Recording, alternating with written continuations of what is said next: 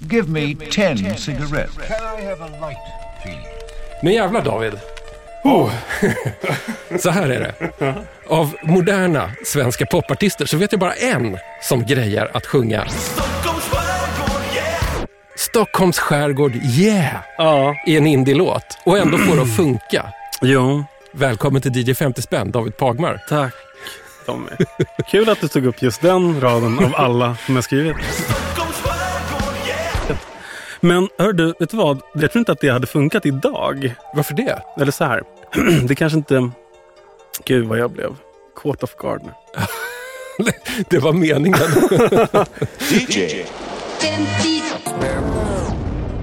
Ja, men säg så här då. Jag hade inte skrivit idag för att jag tror att jag kanske för tio år sedan inte helt enkelt var helt införstådd kanske med vilka konnotationer det där egentligen hade. För att det finns två olika Stockholms skärgård. Det finns ett som är liksom ganska lantligt och skitigt och smutsigt. Och där ser jag mig på något vis platsa in. Mm. Men sen finns det ju liksom typ, ehm, ja vad heter det? Dykarbaren i Sandhamn. Eh, Sandhamn, men exakt den typen. Och det, och, och det är kul att det, det är det där som folk då har liksom, eh, skrikit till mig på fyllan.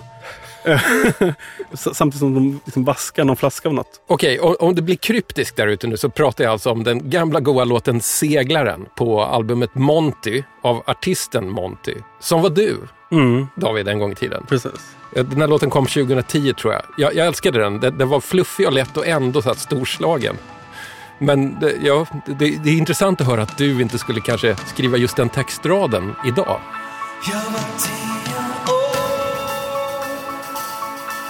Och stod längst ut på ängar och jag stirrade på havet precis som tusen gånger. Och sen minns jag att jag sa någonting liksom lite taskigt. Ja. Det där har han skrivit för att bli inbjuden till Allsång på Skansen. Fanns det någon sån tanke? Eh, inte explicit, men nog hade jag väl tyckt att det var kul då. Jag trodde att jag skrev en ganska liksom en, eh, liksom en hatkärlekslåt till eh, Värmdö då, som är där jag är uppvuxen. Mm. Men jag, har ju fått, jag får ju förfrågan att eh, sjunga på bröllop ganska ofta. Nu gör jag det väldigt sällan ska jag säga. Men jag får förfrågan och då vill de ofta eh, höra någon av mina översättningar Mm. eller den här. Okej. Och jag tänker att det är så konstigt att vilja gifta sig till, till Stockholms skärgård. Yeah. Hela Monty-projektet var ju liksom en någon typ av persona tänkte jag som tog vid där mitt första alter ego som var Montmardier. Just det. Eh, liksom när, det, när, när det slutade så tog Monty vid och då Mm. så skulle det också vara någonting som lät betydligt dyrare än vad det var. Ja. Det var ju um, hemmasnickrad musik. Men ehm, ambitionen var att det skulle låta som någon typ av dyr och svulstig pop. Lyxpop brukar Ly- jag kalla det. Ja, men det är något sånt Ja. kanske. Just nu sitter du i DJ 50 spänns överbelamrade studio med fem skivor för en femtiolapp. Men innan det så har du ju simmat runt i den svenska popmusikpölen ganska länge. Jag vet inte om du gjorde någonting innan Montmardier, men Montmardier var ju någon slags indie soul crossover med liksom billig 00-tals do it yourself feeling på något sätt va? Det var väl exakt vad det var. Och, och Monty lite dyrare, lite så här. Alltså det var, eh, det var ju de facto inte dyrare. Det var okej. exakt samma produktionsförutsättningar. Men sen 2015 tror jag så heter du bara helt enkelt David Pagmar. Mm. Både som artist och vanlig dude. Varför skippade du fantasinamnen? Nej men jag... ehm, varför skippade jag dem?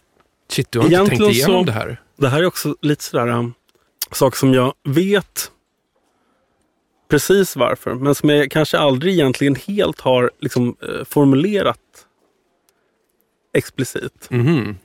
Men jag tänker så här. Jag ville ju verkligen bort från att göra musik ett tag. Så då skulle jag ta en liten paus. Och så började jag ehm, plugga istället. Och sen så eh, pluggade jag lite mera. Och sen så, och så liksom det rann det ut i sanden. Och jag slutade i stort sett helt att skriva musik. Mhm. Och jag började också lyssna på musik igen. För att det hade jag typ slutat med under tiden då jag um, höll på att skriva själv. Och sen så, så eh, fick jag ett gig som jag först skulle, ville tacka nej till. Men Mhm. som um, jag skyllde på um, grupptryck och um, tackade ja till slut. Mm. Runt 2015 var det. Det var första gången jag gjorde någonting med, med musik igen. Då pratade jag med skivbolaget och då sa de, "Ka- ska du inte göra en skiva nu? Mm. Och då sa jag, jo det kan jag väl försöka göra då. Under hela Montmardi och Monty, då var jag jätteproduktiv. Jag gjorde ju jättemånga skivor på ganska kort tid. Men eh, den här skivan då, det tog ju typ fyra år att göra. Okej. Ehm, Så den kom ut, den påbörjades 2015 och kom ut 2019. Och det är den senaste som du släppte? Ja. Färgen som målade livet flagnar. Ja. En ganska heavy titel. Jo, men den är Vad också där sann. Livet kom emellan och ehm, jag blev pappa. Mm, Eh, förlorade min egen pappa. mm. Började plugga och började doktorera. När jag lyssnade på den, det finns liksom låtar där som heter så här klasshat eller rör inte min kompis och så lyssnar man på dem. Då får jag känslan av lite, lite samtidsdepression. Ja, Och det är inget fel med det, för jag känner ju också det. ja, dagligen. Jo, nej, men det var väl det också som var ganska skönt med att hitta en ton att skriva i där jag inte hade någon anledning till att kalla mig för någonting annat än för, än, för David Pagmar. För att, Mm. för att det um, låg mycket närmare eh, verkligheten. Mm. Ja, precis. Alltså jag var inte en 60-tals crooner. Eller, och jag var absolut inte liksom Mauro Scocco. Men Nu har vi snackat jävligt länge här ut, utan liksom att, att ens till... toucha din lilla loppisplattehög här. Ja, Ska vi inte gå in på kärnverksamheten och lägga på den första? Så gärna, absolut. Do you have to leave?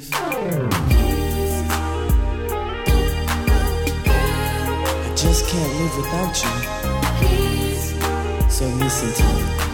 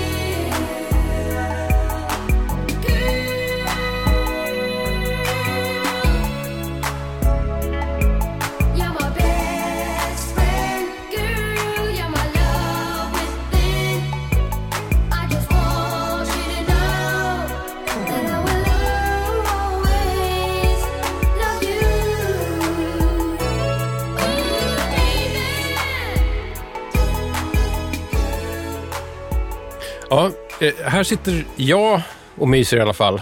Myser du, David? Ehm, jo, men jag känner nog. Och det jag känner ligger nog ganska nära mys. Absolut. Jo. Men sjukt nog så är det här alltså, det här är New Kids on the Block. Mm. Det här är Please Don't Go Girl från Hanging Tough från 88. Det är deras liksom enorma genombrottsplatta.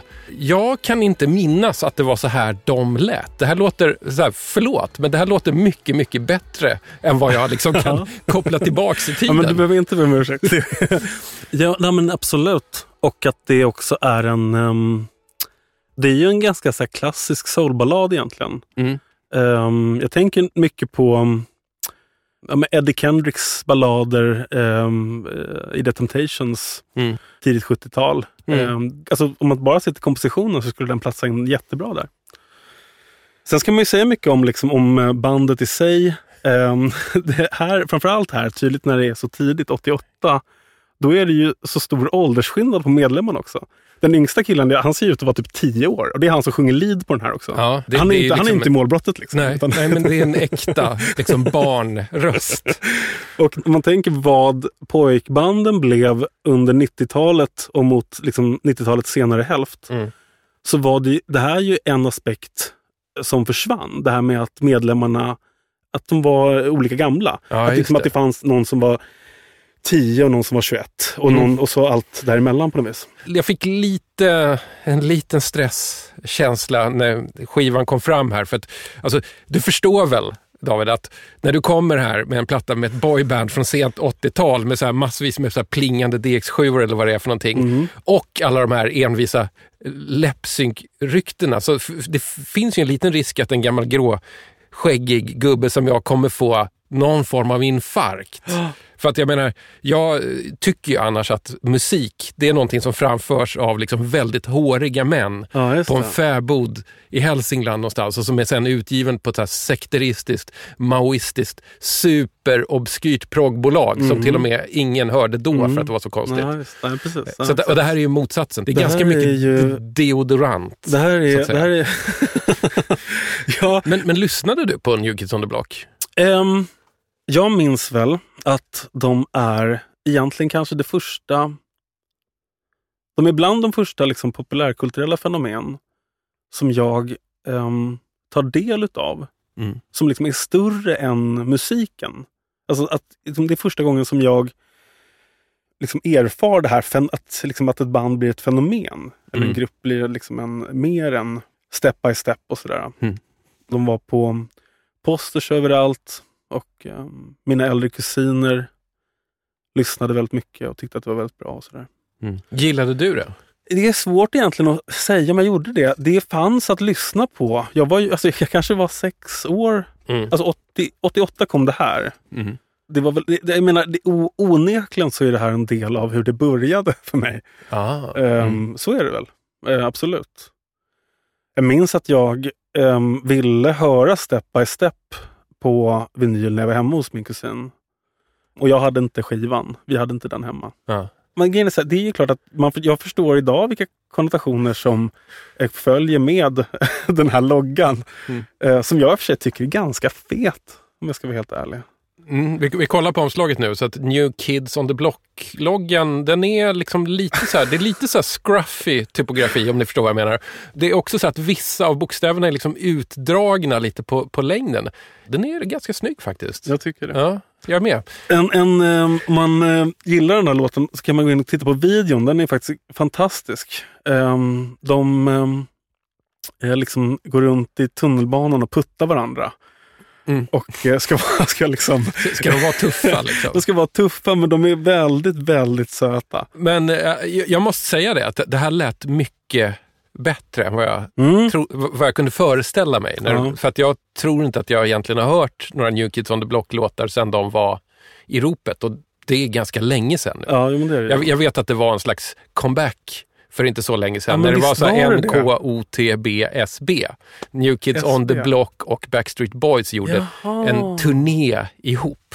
Alltså, och Jäklar. lite mer så här, du vet, det åldrade pojkbandet för den åldrade publiken. Liksom. För alla var liksom Ja, helt plötsligt mycket vuxnare.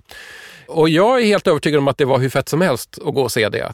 Ehm, men jag har nog inte hört dem sen dess. Men i din musik så har ju du ibland varit inne på någon slags så här 80-tals sound och Ja, feeling. absolut. Va, va, vad kommer det sig av? Det kommer ju... ehm, alltså, vi ska inte gå händelsen i förväg, men det är ju en skiva som kommer i högen här. Aha.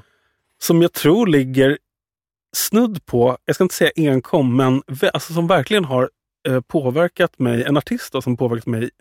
Men, men det, det finns ju ett ljudideal, tror jag, som jag lärde mig väldigt, väldigt tidigt att ha som facit. Och det är ju liksom ganska avskalade trummor med mycket reverb på virveltrumman. Eh, en bas som pumpar åttondelar och en väldigt mjuk syntpad. Mm. Det är grunden för all musik. Så, här, så ska, så ska, det, det är stommen som man sen skriver utifrån och liksom går vidare ifrån. Det är ju helt klart eh, musiken som spelades hemma Mm. sent 80-tal. Eh, jag dör, eh, försvara Phil Collins liksom, vad jag än gör. Och Just det, du, du är en Phil Collins-älskare. han spelades ju så mycket hemma hos oss. Mm. Så att jag är ju, mitt, mitt vardagsrum lät Phil Collins. Liksom. När jag växte upp. Så är det. Fan vad fint ändå. Ja. Ska vi ta och köra dagens andra platta? Vi gör det.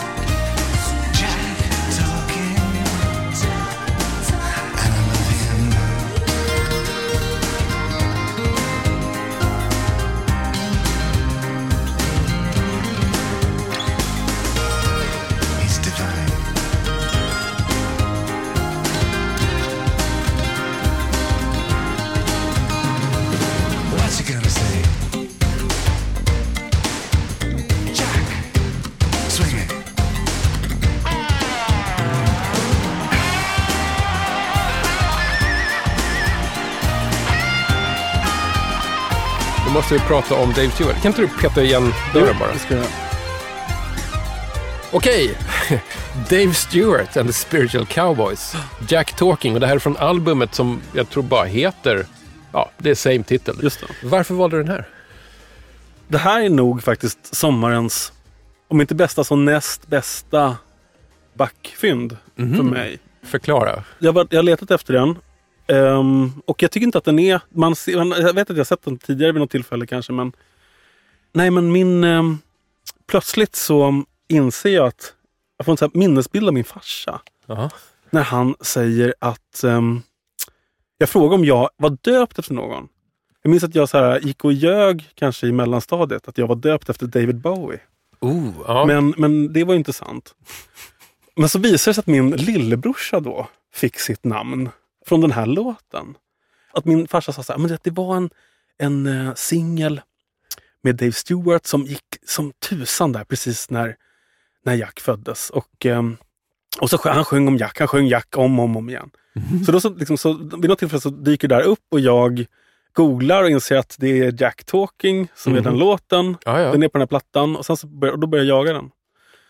Så då blev jag så glad när jag hittade den på, eh, hos eh, Nostalgipalatset. Under låtens gång så sa du att den handlar om Jack Nicholson. Så, så som jag har förstått den så kommer Jack Nicholson hem till Dave Stewart, sätter sig i hans soffa ehm, och så liksom helt borta på kokain och han berättar att han ska sluta med skådespeleriet och att han vill flytta till London. Mm. Och att han då ska typ ehm, bo på Dave Stewarts soffa. och, och att det är grunden då till eh, Jack Talking. Ja, det, man, Ehm, får, man får ju en ganska spännande bild i huvudet här. Av Men- hur, ja, hur, det var den- i, att- i Dave Stewarts liv efter Eurythmics. Men jag funderade på, eller så här, det, jag läste texten innan, tyckte att den var liksom lite kryptisk ehm, och sådär. Men nu förstår man ju då att, Mm. att det är därför eh, han ska komma till London och ha roligt. Mm. Sen så är ju Dave Stewart då ganska hård mot Jack Nicholson, får man lov att säga. Mm. Givet att det här stämmer då. Men det, det har vi ju ingen anledning att tro att det inte Nej, jag brukar säga så här att i Mm. DJ 50 spänn så kan rockfiktion få vara verklighet för en liten stund. Så att vi kan, vi kan utgå från att den här låten ändå har någon slags Jo, men jag tror det. eh, sanning Ehm. eller truthiness i alla fall. Precis. Alltså visst är det en väldigt snygg låt. Den, Mm. är, liksom, den är väldigt så här, snyggt skriven. Det här temat som återkommer. Mm. Och liksom refrängdelen också som är ganska lågmäld i någon mån. Det är ju liksom som den här versen som är hooken på något vis. Att han, Mm. sjunger, han sjunger Jack Talking, att det går liksom... ehm, Och så passar det med det här ganska tidstypiska, lite shuffliga liksom, trumbitet. Sådär. ja visst, absolut. Jag får ju en massa andra bilder i huvudet när jag, när jag lyssnar på det här. Mm. Och en som jag inte kan ducka undan, det är ju att jag tänker på hur det kanske var annars hemma hos Dave Stewart på den här tiden. När inte Jack Nicholson kom och satte sig på hans soffa och sa att han skulle flytta till London och lägga av med skådespeleriet. Ja. Jag tänker ju på, och det här beror ju lite på hur, hur Dave Stewart ser ut på skivomslaget men även videos från den här tiden. Jag tänker att Dave Stewart vid den här tiden, han tillbringade ganska mycket tid med sin skäggtrimmer. För han har ett Ja. sånt otroligt pedantiskt, Ja, liksom, trimmat litet skägg. Så här. Du vet Mm. att det är en smal sträng av skägg som är så perfekt Mm, ansad. Ja. Och då tänker jag att han, han, han la mycket tid på det just här. Eller han kanske var så rik så att han hade någon som kom och fixade hans skägg. Jag har ingen aning. Det men fascinerar är han, mig. en, är han, liksom, han är väl egentligen inte... Han var väl aldrig liksom en looker egentligen.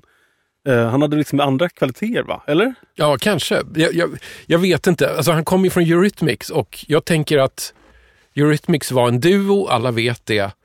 Men ibland får jag känslan av att folk inte kommer ihåg att Dave Stewart heter Dave Stewart för att man Nej. såg bara Annie Lennox. Ja. Hon hade så grafiskt utseende Mm. och den här kristallskarpa rösten. Nej, men, det, är ju, det är ju verkligen så. Alltså, han skrev ju så mycket av deras, um, av Eurythmics låtar. Den duon stod verkligen på två ben. Mm. Låtarna och, och hennes röst. Och när de går åt olika håll så har hon fortfarande ganska bra låtar Mm. i, sin solokarriär. Och hon tar med sig rösten. också. Exakt. men, men, eh, och jag, jag tycker att den här låten och flera andra på den här plattan är, är ganska bra. Men det, det är ju någonting liksom med att man vet att han har stått bredvid henne. Mm. Vet för hon, när hon står på en scen, då kan man liksom inte titta på någon annan egentligen. Utan, utan man tittar på henne för att hon är liksom, jag vet inte, självlysande låter ju. Vad ville Dave Stewart egentligen säga med sitt Spiritual Cowboys-projekt tror du? Jag kan tänka mig att, att när han stod där och tänkte vad ska jag göra nu då? Då fanns det ju liksom inte på kartan att han inte skulle göra musik. Liksom. Nej. Utan då eh, var han väl tvungen att göra det. Sen, vad tycker du om namnet The Spiritual Cowboys? Ja, men det är spännande på något sätt. Och jag tycker att det säger mycket om sin tid. Alltså, n- Nu snackar vi liksom precis i början på liksom 90-talet. Just det. Det jag kan minnas av den tiden var ju att så här, ett, en viss typ av flum och en viss typ av liksom så här, lite så här eh, liksom sökande Mm. eh, kom in väldigt mycket i musiken då. Ja. Det hade varit borta några år på, på 80-talet där det var liksom lite mer så här prestera. Det var liksom lite så här hurtigt och sen så kommer eh, andliga symboler. Det kommer liksom en liten österländsk vibb samtidigt som eh, faktiskt li, lite så här cowboymode kommer in. Så jag tycker att liksom, det är väldigt 1990 att döpa sitt band till The Spiritual Cowboys. Jag var så liten då så jag kan inte riktigt... ehm, jag är osäker helt enkelt på ifall min bild stämmer överens med verkligheten.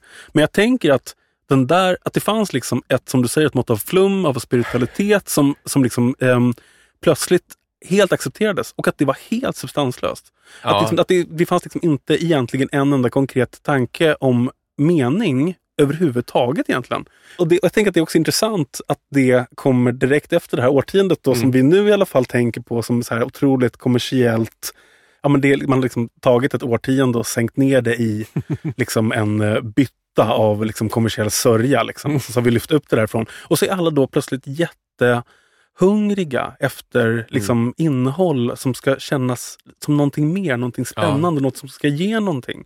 Tänk typ så här hur, hur MTV Unplugged-scenerna såg ut. Mm. Så här supermycket blommor och ljus Ja, och, och, och, så tyger. som det, så här. Det, det såg ut typ som att man var på någon så här um, new age, eller alltså, alltså Ja. att, någon typ av liksom, nå, någonting ceremoniellt va? Jag nämnde eh, tidigare liksom några, att jag hade suttit och kollat på videos av Dave Stewart, Ja, and. Spiritual Cowboys, fr- från precis den här tiden.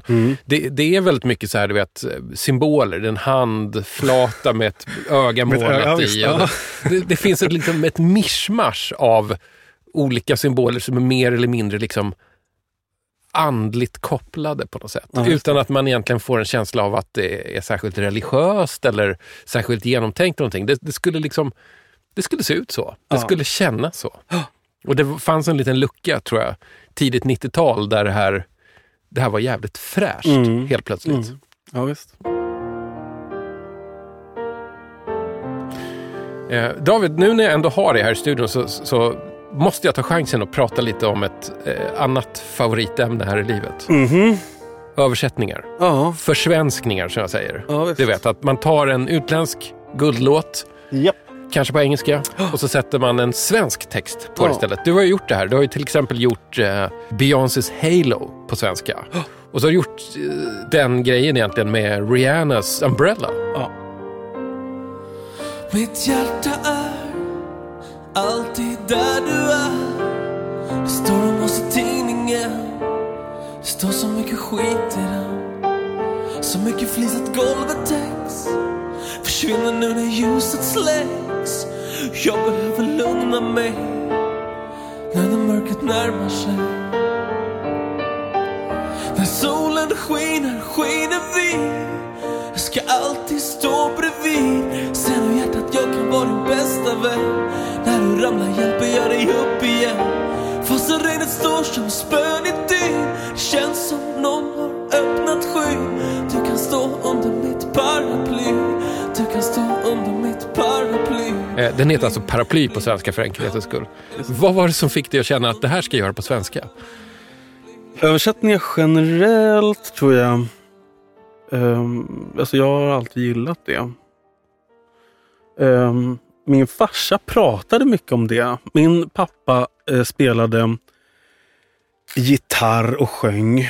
Ehm, jag minns liksom det att jag ser honom sjunga och att jag tycker att det är häftigt. Mm. Och så pratar han sig väldigt tidigt och liksom, han pratar sig varm Mm. om att översätta. Mhm. Eh, liksom att ta eh, bra låtar på engelska och, eh, göra, och, och som göra dem på svenska.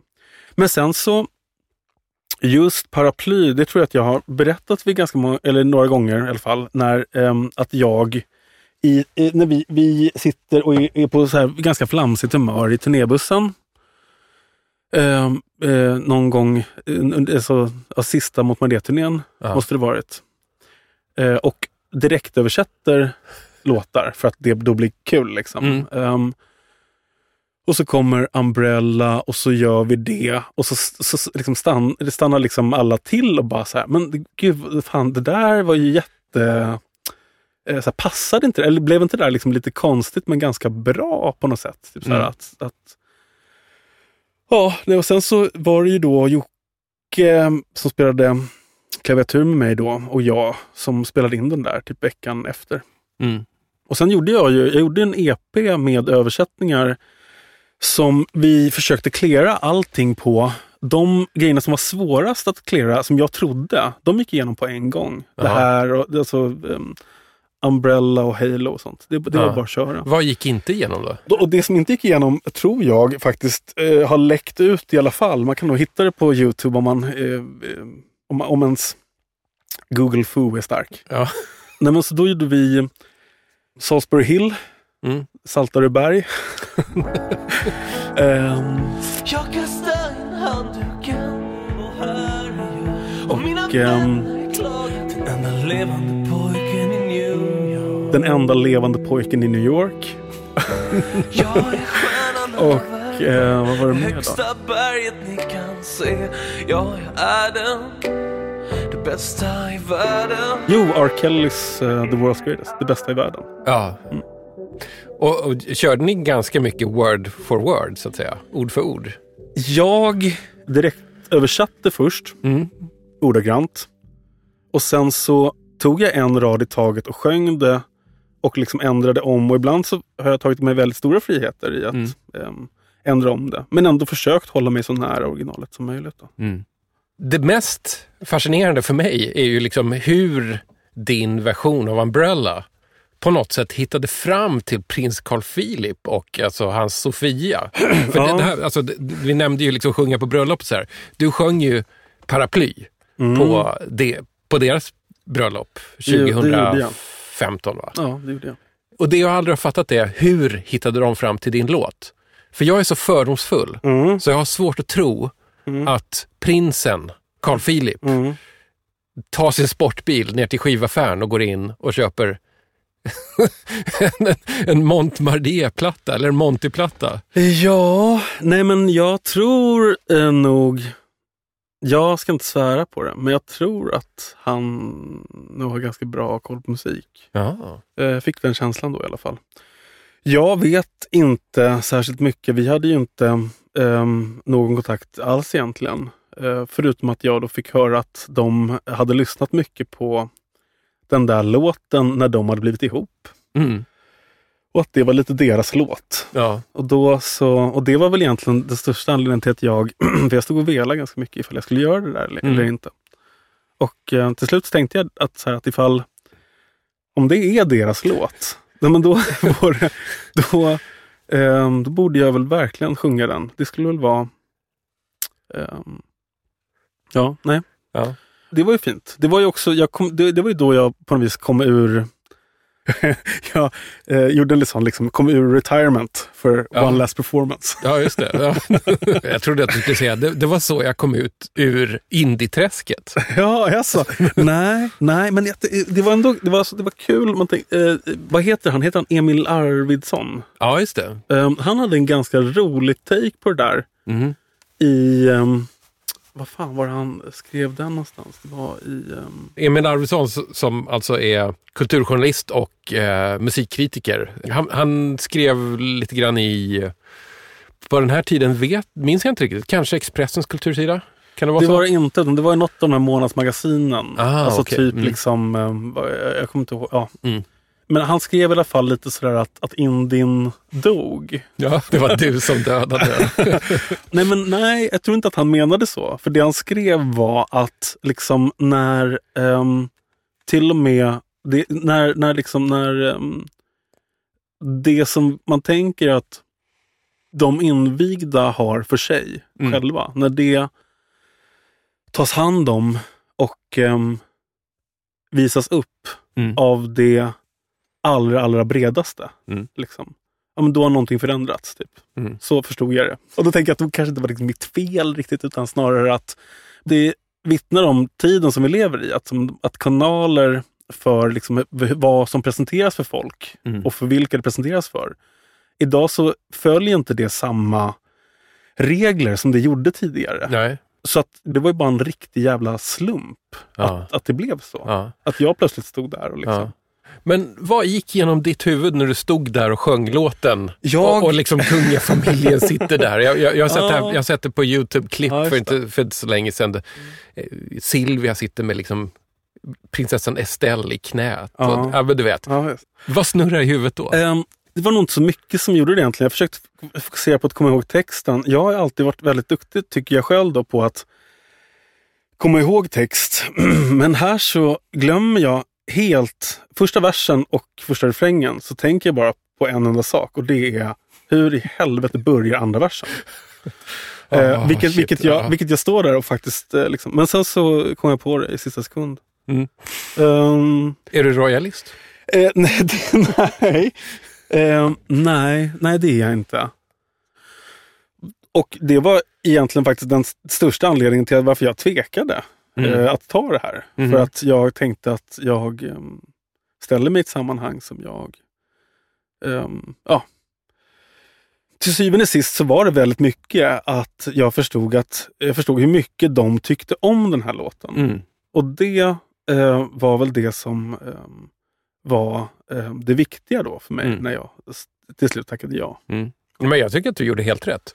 Och jag, alltså, jag själv har ju blivit royalist av den så här, nya generationen kungligheter. Okej. För att jag gillar, jag gillar att kungahuset, eller kungahusen ska jag Mhm. säga, för det här är någonting som sker egentligen internationellt.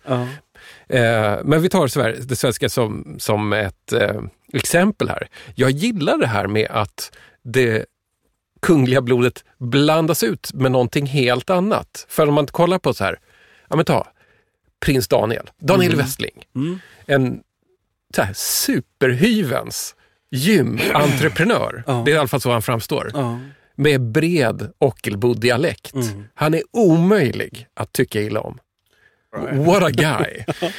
Sen har vi alltså Carl Philip och, och Sofia. Alltså, vi har alltså en, en prinsessa som också har varit halvnaken i slits. Jag, jag har inga problem med det. Nej. Och så Madeleine och hennes liksom Chris O'Neill heter han va? Mhm. Som ser ut att vara någon slags så här lite så här Tycker du att han också verkar vara en Nej, men- kille? Nej, men just, just den här grejen att det, det är liksom den här lite trötta, förvånade uppsynen. Ja. En lite pösig hedgefondkille som egentligen inte riktigt vill vara med i det här sammanhanget. Nej. I can relate to that. Ja. Jag börjar gilla de här figurerna. Ja, och, och, och om man nu någonstans tänker så här på det här pragmatiska svenska sättet att vi har kvar eh, monarkin, de bestämmer inte så mycket längre, men de är roliga maskotar. Då tycker jag att den här nuvarande generationen, jag, jag, jag hissar flaggan, jag gör honör för dem för att jag Just tycker det. att det här, är, Det, det här är precis vad jag gillar. Men det är alltså underhållningsvärdet då? Ja, jag gillar det. Ja, men de, det- de är, de, så här, de, helt plötsligt så blev de liksom intressanta figurer på ett sätt som jag inte riktigt hade kunnat tänka mig för 20-25 år sedan, Nej. att det skulle kunna bli så. Nej. Stor parentes här. Det, allting var för att jag ville fråga lite grann om Umbrella på Ja, svenska. nej, men självklart. Jag fick ett väldigt fint eh, tackkort ja. Eh, efteråt. Skrivet av Sofia. Mm. Undertecknat av Carl Philip. Ja. Mm. Förlåt, jag måste bara fråga. Mhm. Kunde du casha in någonting på det här sen då? Hörru du, Så, jag... så här, säljer det skivor, Ja, säljer det nedladdningar? det, som, det som hände efter det där, det var ju att folk började höra av sig om bröllopsspelningar. Ah, mm. Och, eh, och det gör folk fortfarande. Det är Mm. väldigt kul och smickrande. Och ehm, ehm, jag gör det ganska sällan. Men ehm, det har hänt att jag har gjort det också. Mm.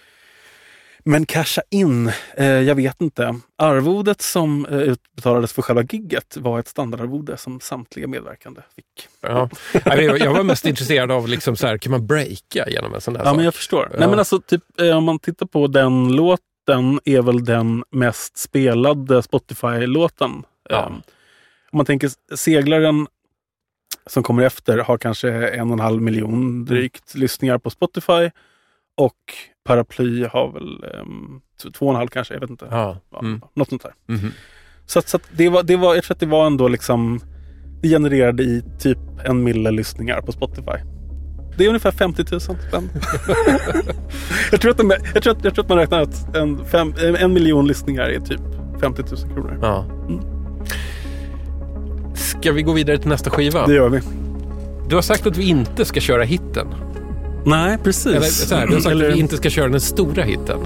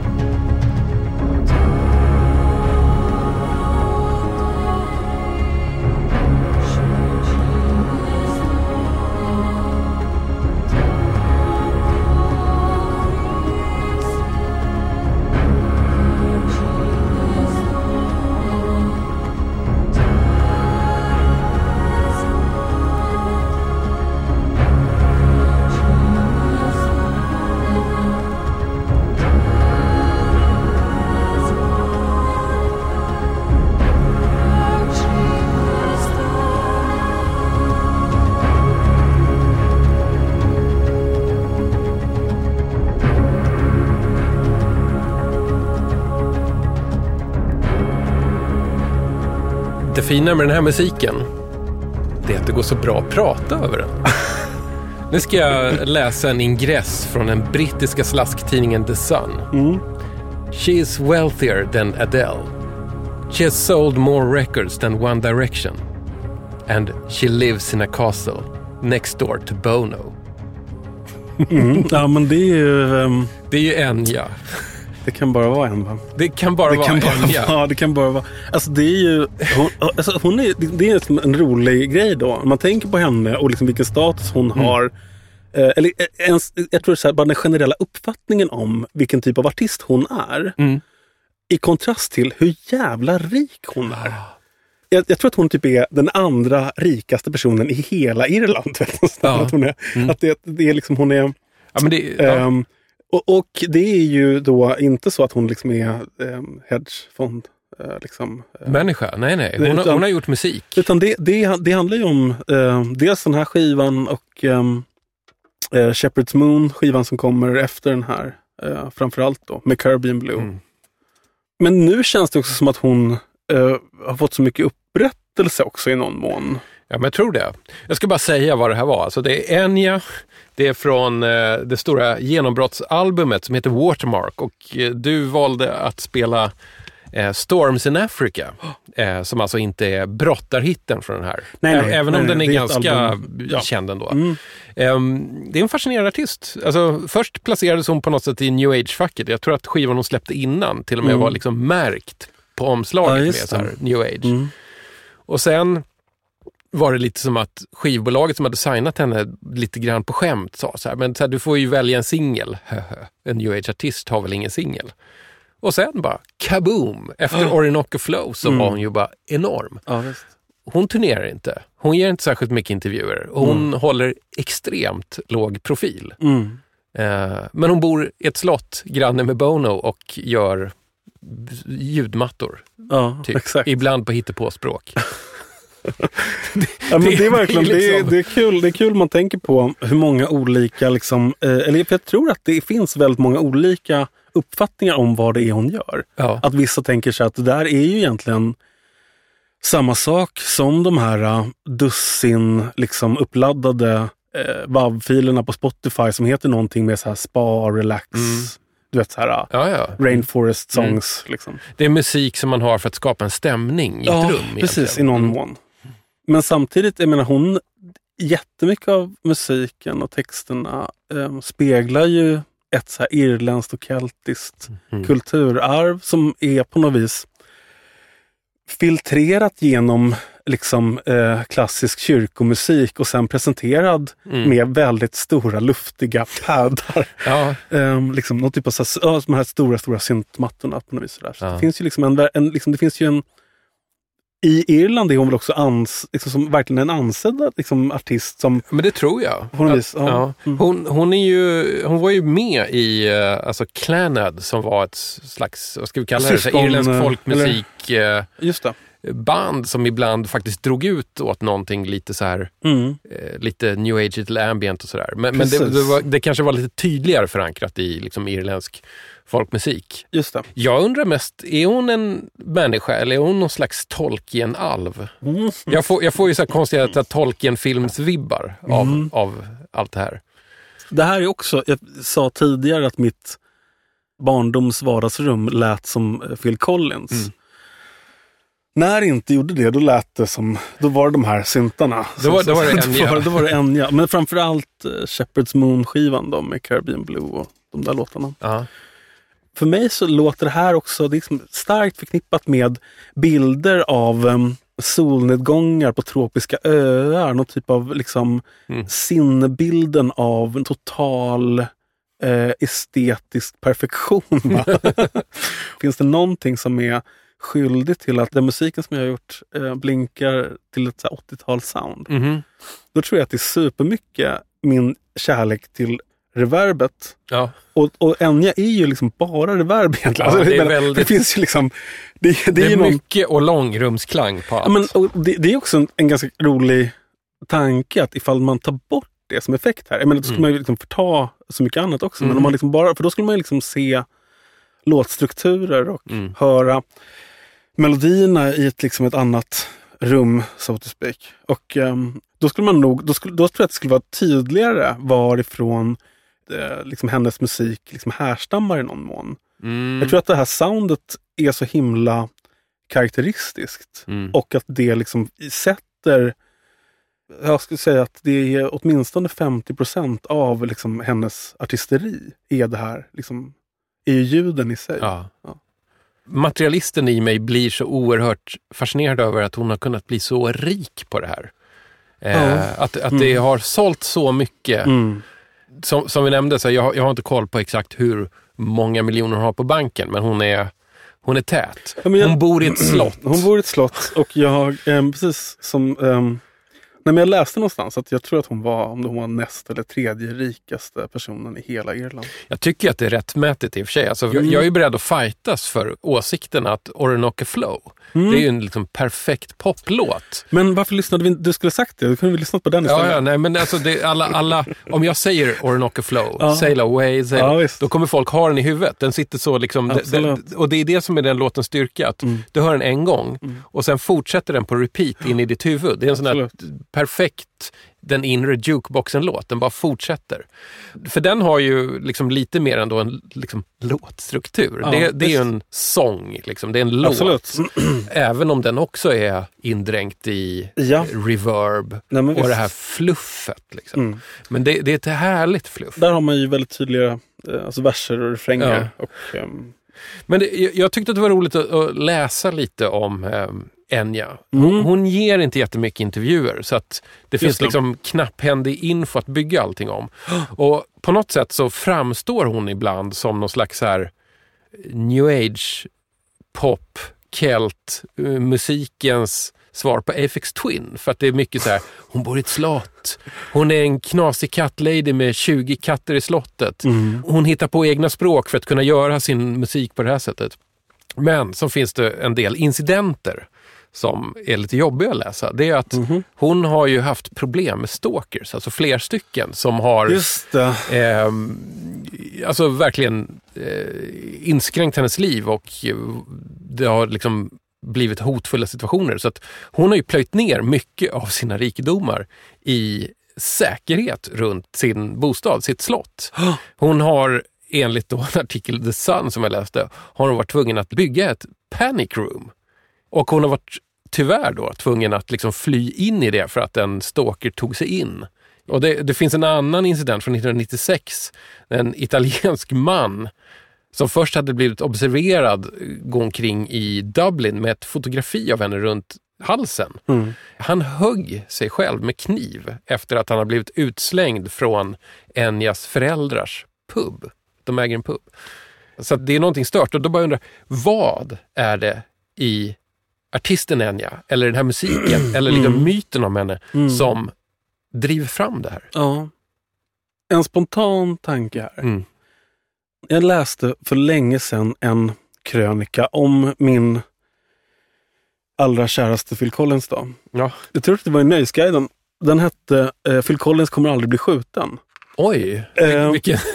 Jag tror att det var, vad, vad, vad, vad hette Ja. han, vad hette han, göteborgaren som... Carl Reinholdsson Belfrage. Exakt. Ja, Ja, oh, visst. ja. Mm, exakt. Och eh, premissen var då att han jämförde Phil Collins med ehm, John Lennon. Mhm. Och ehm, menade liksom att, ja, men, att det finns kvaliteter som artister har Mm. som går bortom ehm, liksom musiken såklart. Och, liksom, och, och som, som kanske i någon mån handlar om liksom hur, man, hur man betyder någonting för, för andra. Mm. Så, så minns jag i alla fall ehm, att det var liksom på något vis andemeningen där. Och Mm. han kom då fram till att, liksom att Phil Collins eh, är ju, ehm, har ju väldigt många bra kvaliteter, men varför kommer aldrig Phil Collins bli skjuten? Mm. Han är ju, jag tror att han visar för mycket vem han är. va? Ja. Han är liksom lite för öppen med att han är en grinig gubbe. Och det är inte så tilldragande. Nej. Men det är inte bara att det inte är tilldragande. Det är också... ehm, det finns ju inte någonting som man egentligen känner att man vill veta mer där. va? Liksom, du? Alltså, du, liksom, du vill inte gräva där. Du vill liksom inte, Men Enya däremot, Ja, exakt, eftersom man va? vet så lite. man vet ju otroligt lite. Och det, det har ju lekts med väldigt mycket. va? När folk haft alter egon eller Mm. ja, att man har haft liksom, kostymer och så vidare. Och så vidare. Att man inte vetat vilka det är eller vem det är Mm. som sjunger och som framför det. Och det i sig blir väldigt då liksom eh, eh, tilldragande helt enkelt. Mm. Eller? Så kan det säkert vara, för att jag har nästan svårt att uppfatta henne som en levande människa, om du förstår vad jag menar. Nej, men allting är så... Det är som att det är långt reverb. Det är en lång rumsklang även på hon som person. Ja, visst. Alltså att det, det är som att hon mer framstår som en hägring. Och Undrar- kollar du på omslaget här Ja. så är hon, hon är ju liksom lite utsuddad här också. Mm, ja, alltså det är som att hon är mer ett andeväsen. Det, Ja. det är det musiken signalerar. Ja, visst. Men det där är ju helt fruktansvärt såklart. Och så otroligt eh, hemskt att hon behöver lägga ner sin välförtjänta förmögenhet på ett skyddsrum. Jag ska bara lägga till här, om man nu tvivlar på att det jag säger om låten Orinoco Flow, att det skulle på något sätt inte stämma, då eh, har jag bevis på hand. Då får man leta upp en, eh, en ragga-version av Buccaneer från början av 00-talet. Där, där man har samplat och egentligen bara snott hela Sail Away, Sail Away, Sail Away och har gjort liksom en riktigt härlig party-ragga-version av den. Helt underbar. Helt suverän. Och då förstår man storheten i den låten. Okej. Jag ville bara få det Ja. eh, för protokollet. No, jag, får, jag får ta ditt ord där.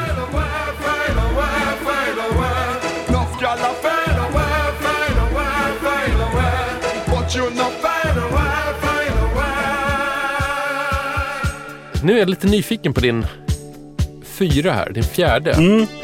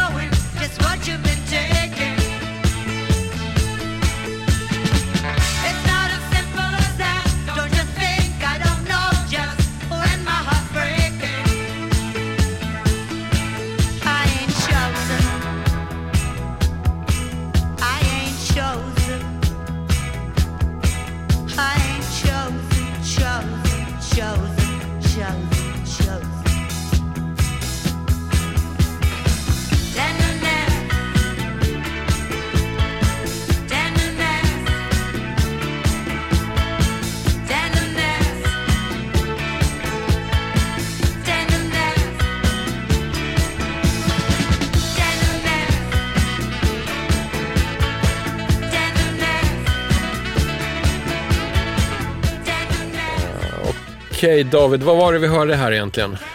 Så det här är alltså ett... ehm, det är inte en singel, det är ett albumspår från Marianne Faithfuls ehm, platta från 81.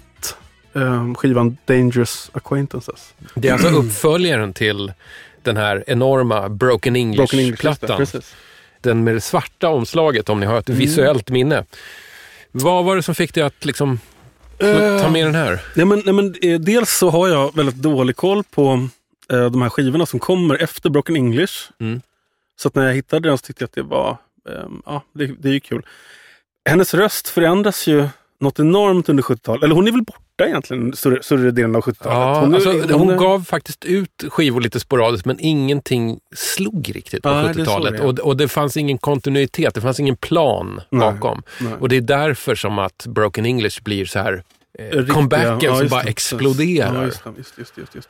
Men hon är väl också i stort sett på väg att Ja. eh, f- försvinna. Va? Hon, hon, Mm. så hon är så eh, djupt nere i ett missbruk. Mm. Ehm, Periodvis hemlös tror jag. ja, just det. Ja, precis. Det är väldigt stor kontrast man lyssnar då på framförallt de, hur hon låter på 60-talet Ja. och hur hon låter här i Mm. början av Ja, 80-talet. ja. Nej, men det, det, är som två, det är som två olika varelser nästan. Ja, visst. Så det var det. Sen så lyssnade jag igenom den här plattan och då så den här låten eh, liksom drabbade mig. Jag tror att det också var för att jag hade precis funderat över ordet ehm, öm, alltså öm, tender och Mm. ehm, tenderness. Jag hade precis sett ett klipp med um, Laurie Anderson när hon tar emot Lou Reeds ehm, liksom, när, när, när Lou, Reed, bli- eh, Lou Reed blir invigd i Rock'n'Roll Hall of Fame Jaha. så Mm. tar Laurie Anderson emot eh, hans pris. Mm.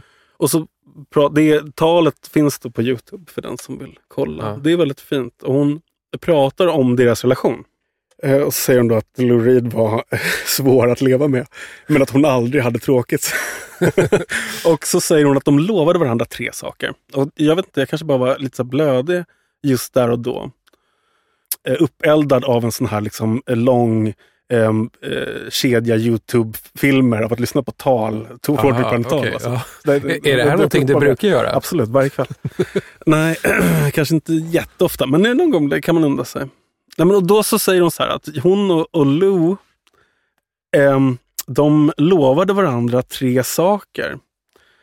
Ehm, de lovade att de, all, att de aldrig skulle vara rädda för någon annan person. Mhm. Att de skulle eh, de lovade varandra här liksom, och det här skulle vara liksom någon typ av så ledmärke för deras relation. Då. De, ska aldrig vara, de skulle aldrig vara rädda för några andra människor. De skulle båda två skaffa sig väldigt bra eh, bullshit detectors. De skulle liksom eh, haja när folk snackar skit. Och så skulle de alltid vara ömma. Mhm. De skulle always be tender. Men är, är det verkligen någonting man kan lova varandra?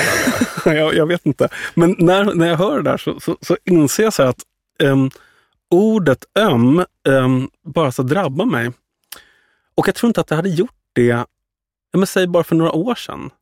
Men plötsligt så, så kunde jag verkligen tycka att det verkligen var fint. Och så kom den här låten och satte en tenderness på den här, på Marianne Faithfull-skivan. Och så tänkte jag på det igen, att hon är ju liksom, ehm, hon har gått igenom så mycket och så sjunger hon. Eh, man hör den här liksom rösten som har förändrats och som nu liksom har så mycket karaktär i sig. Mm. Och så sjunger hon om kärlek så passionerat och hon sjunger liksom om vad hon vill ha och det hon vill ha är liksom ömhet. Och att hon väljer det som liksom någon typ av ehm, ja, men liksom sinnebilden då för vad den här liksom kärleken ska bestå av. Det är, så, det är ett sånt moget perspektiv på kärlek. Ja. Så här tänker jag också, att man lyssnar, om man är intresserad av texter, då är liksom perspektivet som man är intresserad av och följer, det är lite åldersbestämt. Mm. Det vill säga att Mm. man hela tiden tittar mot de som är i nästa stadie i livet och söker sig dit. Så att säga. För när du är Mhm. barn så är det ganska intressant med tonåringars perspektiv. Mm. När jag är nio år, då tycker jag att det är astufft att höra de gamla noise-skivorna. När Hasse C sjunger om tunnelbanan. Liksom. Ja, ja. Men när jag blir tonåring så tycker jag att det är väldigt spännande att höra om liksom klubblivet när de här tidiga 20. Och det, Mm. Ja. och det här vilda vilda som ska ske någon gång och så sitter man i ett pojkrum där ingenting vilt någonsin händer. Och så tänker man så här, gud vad, ska det här innebära? Och så, så Mm. blir man här tidiga 20 och så lyssnar man på de här liksom, som är i slutet av den här eran som liksom börjar få lite svarta i rösten och tycker Ah, att så här, det här ska... det. För att hela tiden på något vis så sträcker man sig. Mm. Ehm, och det här, bara, det här är liksom någon typ av det låter så fånigt, men en, en bild av liksom en väldigt så här mogen kärlek. Ja. Där man liksom tar in um, ömhet och ehm, när det blir liksom den, en väsentlig del av um, vad den där, liksom, den här drömmen om tvåsamhet, vad det skulle vara. Ja. Jag tänker nog så här, framförallt om man går då till så här tidiga 20. Man tänker så här, vilka kan berätta för mig Ja. om vad, vad kärlek ska vara? Mm. Vad vuxen kärlek ska vara. Alltså är man överhuvudtaget intresserad av den frågan när man är 20? Men jag var nog det, tror jag. Jag tror Mm, att, det, att jag alltid nog i någon mån har varit det. Generellt kanske man inte är det. Mm. Eller jag kan tänka att i alla fall jag lurade nog mig själv i sådana fall. Jag trodde du vet att det skulle vara ja, men, som de här liksom ganska um, svulstiga manliga poeterna. Cohen Mm. Ja, ja, ja. och Just sådär. det. Liksom, så, så, som skulle berätta för en Mm. vad som komma skall. Ja, just det. Sen så när man, ja, men man fyller 30, man fyller 35, jag börjar närma mig 40. Då tänker jag så här att det finns verkligen saker som klingar sant i berättelser om det här. Men det kommer absolut inte därifrån där jag, liksom där jag trodde att, det, att, det, att jag skulle hitta det där. Mm. Utan det är snarare från Alltså det, det är från em, kvinnor i 40-50-årsåldern. Mm. Eh, Joni Mitchell Ah. i, i Coming from the Cold till Mm, exempel. mm. Där sjunger hon om kärlek liksom efter 40 Okej, ja. och om att bli kär då. Ja. Och Marianne Faithfull här också. Så att säga. Um, lång, långt svar på frågan varför Ja. valde jag den här låten. ja, men Men- jättebra svar. Alltså, men jag tycker också att det här är helt klart bästa spåret på det här albumet. Mm. Får jag nog säga. Hänger du med i Marianne Faithfull? För hon är ju fortfarande aktiv. Det senaste jag hörde det är att hon, hon, var, hon fick ju coviden. Va? Mm, Jag det. läste att hon inte trodde att hon skulle sjunga igen då. Ja. För att, eh, för att hon har tagit, eh, lungorna har tagit så mycket stryk under. Mm. Men att hon nu tar sånglektioner. Mm. Jag tror att hon har några fler skivor i sig. Jag hoppas det. Jag, för jag tror att hon är den kvinnliga artisten i den här generationen som kommer att göra en Johnny Cash, om du förstår vad jag menar. Ja, det som man gör, som sig. gör en sista trilogi, typ med Rick Rubin. Jag tänker att det kanske inte ska vara Rick Rubin som producerar Ja, den här nej. gången. Men... Eller så är det det här. Okej, ja, kanske. Ja. Vi får se. Nu liksom spekulerar vi om framtiden här. Um, du har ju en skiva kvar här. Eh, jag tror att vi kommer göra ett litet, eh, vad ska vi säga, ett litet stilbrott i musik nu.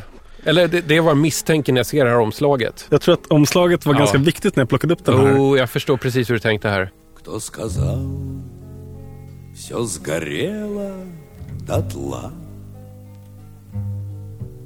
Больше в землю не бросите семя. Кто сказал, что земля умерла? Нет, она затаилась на время. Материнство не взять у земли, не отнять, как не вычерпать моря. Кто поверил, что землю сожгли? Нет, она почернела от горя, как разрезы траншей легли, и воронки, как раны, зияют, обнаженные нервы земли. Неземное страдание знает, она вынесет все, переждет, не записывай землю в калеки. Кто сказал, что земля не поет, что она замолчала навеки? Нет, звенит она стоной глуша. Изо всех своих ран и задушин Ведь земля — это наша душа. Сапогами не вытоптать душу. Кто поверил, что землю сожгли? Нет, она затаилась на время. Det här är alltså den ryske eh, skådespelaren, sångaren och poeten Vladimir eh, Vysotsky. Mm. Den engelska titeln på den låten är Song of the Land. Jag ska inte ge- försöka eh, ge mig på. Du, du har ju tagit med en, en, eh, en LP-skiva här som uppenbarligen är en exportutgåva här. För att det är ju, de har ju snällt nog skrivit ut både albumtitel och Ja. eh, låttitlar på engelska. Den här dubbelplattan som de är, är alltså ett postumt utgivet album som heter Sons are leaving for battle. Jag har ju lite rostig koll på Vladimir Vysotsky. Jag har hört honom på svenska. Jag har ju såklart Fria Proteaterns Vysotsky-platta. jag, jag uppfattade någonstans att folk tyckte att det här var jävligt spännande. Mm. Eh, Han, do, han dör 80 ja, och liksom, det är väl väldigt mycket att hans tolkningar når ehm, når oss då kanske. Eh, precis, alltså i svallvågorna har efter då hans död att man Mm. liksom på något vis framförallt ger ut skivor då postumt Mm. där man samlar liksom allt ifrån, den här plattan är väl både så här radioinspelningar, någon Mm. liveupptagning. Det, det, det, är liksom ett, det är ett hopkok av Ja. inspelningar. Men vad, vad tänker du när du lyssnar på det här? Här i den här låten, här sjunger han ju relativt vänt får man ändå påstå. Va? Mm. Annars är ju hans stil så himla, liksom, eh, har en sån kantig och liksom karg framtoning. Han pratsjunger väldigt mycket liksom och man känner ju till honom för tolkningarna av honom och översättningarna liksom av honom. Mm. Jag läste om honom att han för att bli fri från sitt amfetaminberoende Mm. tog liksom en helg då han hällde i sig sprit. Fighting fire with fire, eller liksom Nej, ondska han- med ont fördrivas. Han var ju liksom, han, var, han dog eh, relativt ung va? Så att han var ju liksom, eh, eller han dog ju ung, han, dog, han var 42. ja, jag tror det. Som Elvis. Som Elvis ja, Mm. precis. Nästan den sovjetiska rockmyten vi ser här. Ja men exakt. Eh, men han hade ju legat i kan man ju också säga. Att han, han, han slår ju igenom i, i Sovjet någonstans, slutet på 50-talet, början på 60-talet. Just Spelar teater, jo, men, han gör och- och filmer, gör filmer. Ja, han, han börjar ja. sjunga. Det. Jag, jag läste någonstans om att han spelar in sina låtar och de börjar distribueras underground på tejper. Ja, är det så? Till slut så blir han så stor så att det måste ges ut på skiva. Mm. Sovjet hade liksom ett monopolskivbolag. Just det. och sådär. Och sen är det lite som att han, han någonstans blir obekväm. Han är inte tillräckligt positiv. Vissa Det filmer censureras, någon film läggs på hyllan i 20 år innan det visas. Ibland får han inte ge ut skivor, ibland får han ge ut skivor. Så här. Men alltså, mot slutet på, på livet så tror jag att han var så pass stor stjärna så att han var, det inte gick att stoppa honom. Och jag vet att Just han har det. spelat in skivor utanför Sovjetunionen. Han har fått resa utanför. Ja, Vilket kanske också förklarar till att vi här i västvärlden till slut faktiskt hörde talas om just det. Vladimir Ja, men Vysotsky. precis. Ja, visst. visst. Eh, David, vi börjar närma oss slutet här. Ja. Jag sa att du fick ta med dig en bonus. Du har tagit med dig en...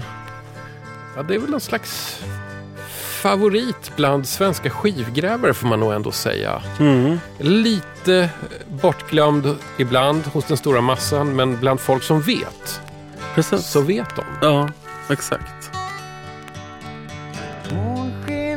Vicky ser du månsken? Viskar jag och pekar någonstans mitt emellan heaven and hell.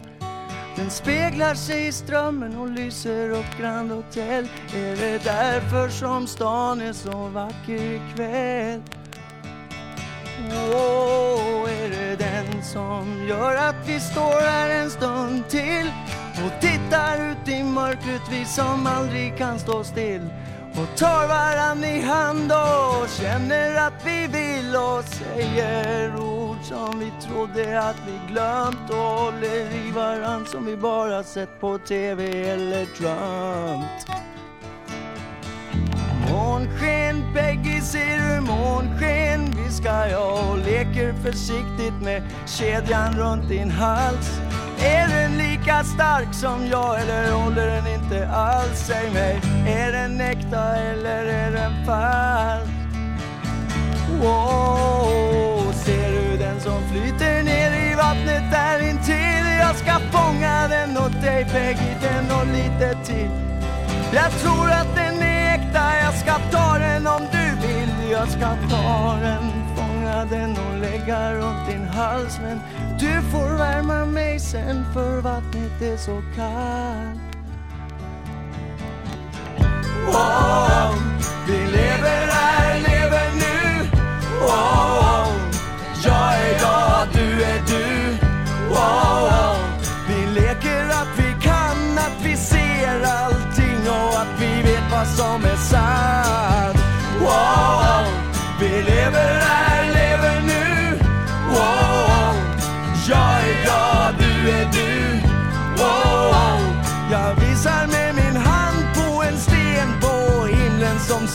Som om den brann. Och det kunde ha varit guld men de säger att det är sand. Och det kunde ha funnits hav där men vi vet att det är land. Och gubben kunde ha bott här men jag har hört att det är för varmt. Så sagan måste dö, den var för enkel för att vara sann. Oh, den är inte så fin som den varit förut. Det har varit dårar uppe och gott där. Okej David, det här är alltså Magnus Lindberg som du har tagit med dig som din bonus. Ehm, Mm. va- vad heter den här låten och vad heter själva albumet? Månsken Peggy, albumet heter Som natt och dag. Ja. Um, Och va- varför ja. tar du med det här? Nej, men det, det, ehm, alltså det är en platta som man ser i skivbackarna och som jag tror går väldigt många förbi. Mm. Omslaget är inte superspännande, även om jag tycker att det är fint. Mm. Ehm, han står i um, vit t-shirt och mockajacka. Det är väldigt skarpa kontraster från skuggor i Mm. Det är natt. ansiktet. Det är natt, ja. Liksom, det är ju, han är ju... ehm, var han den tredje största medlemmen i Grymlings? Ja, ja, det kan man säga. Ja, det är lite så här så när man börjar tappa kollen på vad de heter, Grymlings. Ja. Han är ungefär där. Ja. Och jag tänker ibland på honom så här att när man pratar om så här svenska singer-songwriters från 70-talet så Mm. lägger man väldigt mycket fokus på Lundell och Magnell. Ja. Ibland glömmer man bort Lindberg. Mm.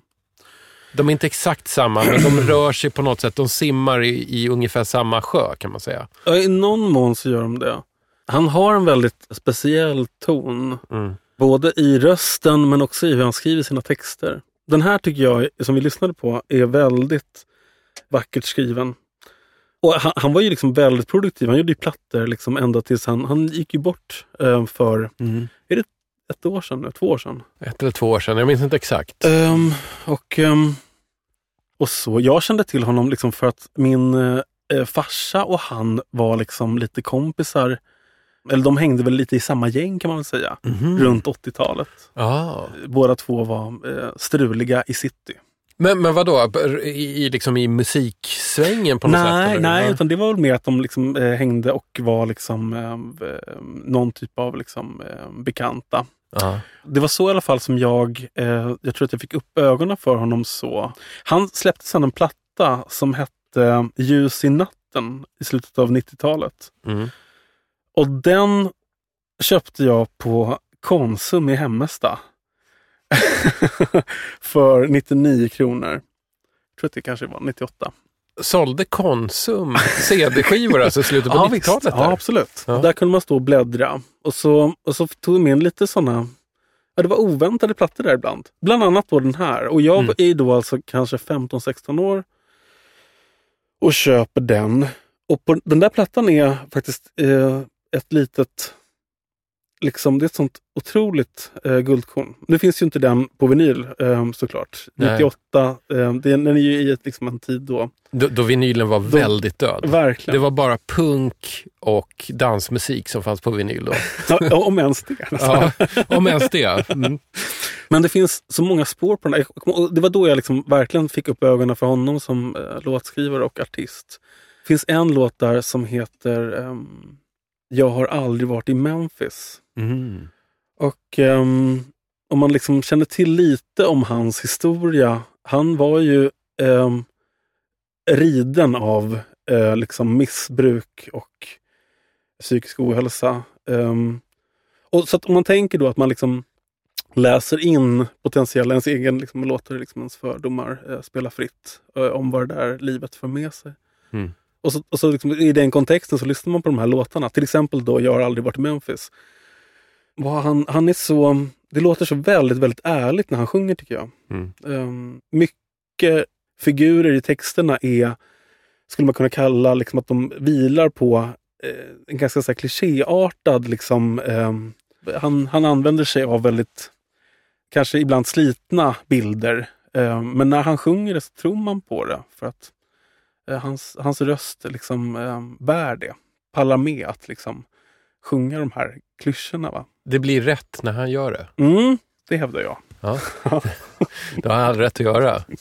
Jag tyckte att det här var en väldigt fin avrundning på hela det här. För att nu måste vi nog börja hugga av det här. Japp. Avsluta det. Ja.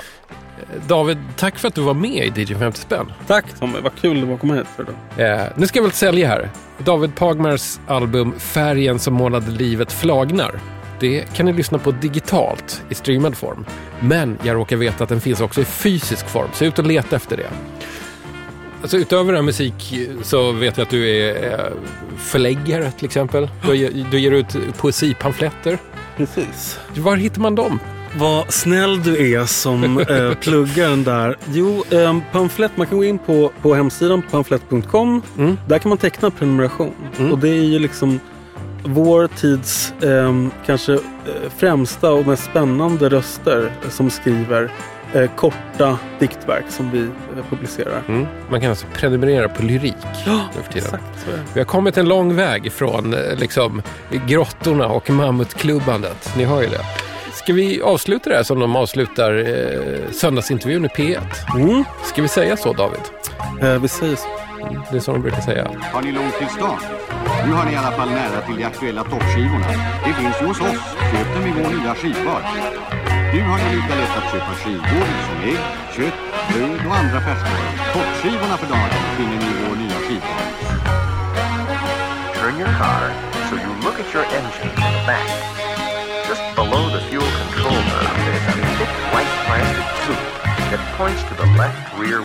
Du har lyssnat på ännu ett avsnitt av eh, DJ 50 spänn. En fristående, frifräsande och eh, ja, frisinnad musikpodcast som görs helt och hållet utan vinstkrav. Det här är bara for the hell of it. Allt du hörde nu är inspelat, det är klippt, det är mixat och det är ljudlagt av mig och jag heter Tommy Jönsson. Den här podden görs i samarbete med produktionsbolaget Rundfunk Media i Stockholm. Tack för att ni lyssnade. Look at figure 12 at the bottom of page 5. It shows someone holding their finger over the air intake. Hold your finger tightly over the air intake on your engine while you slowly turn the right rear wheel forward until you feel it bump four times.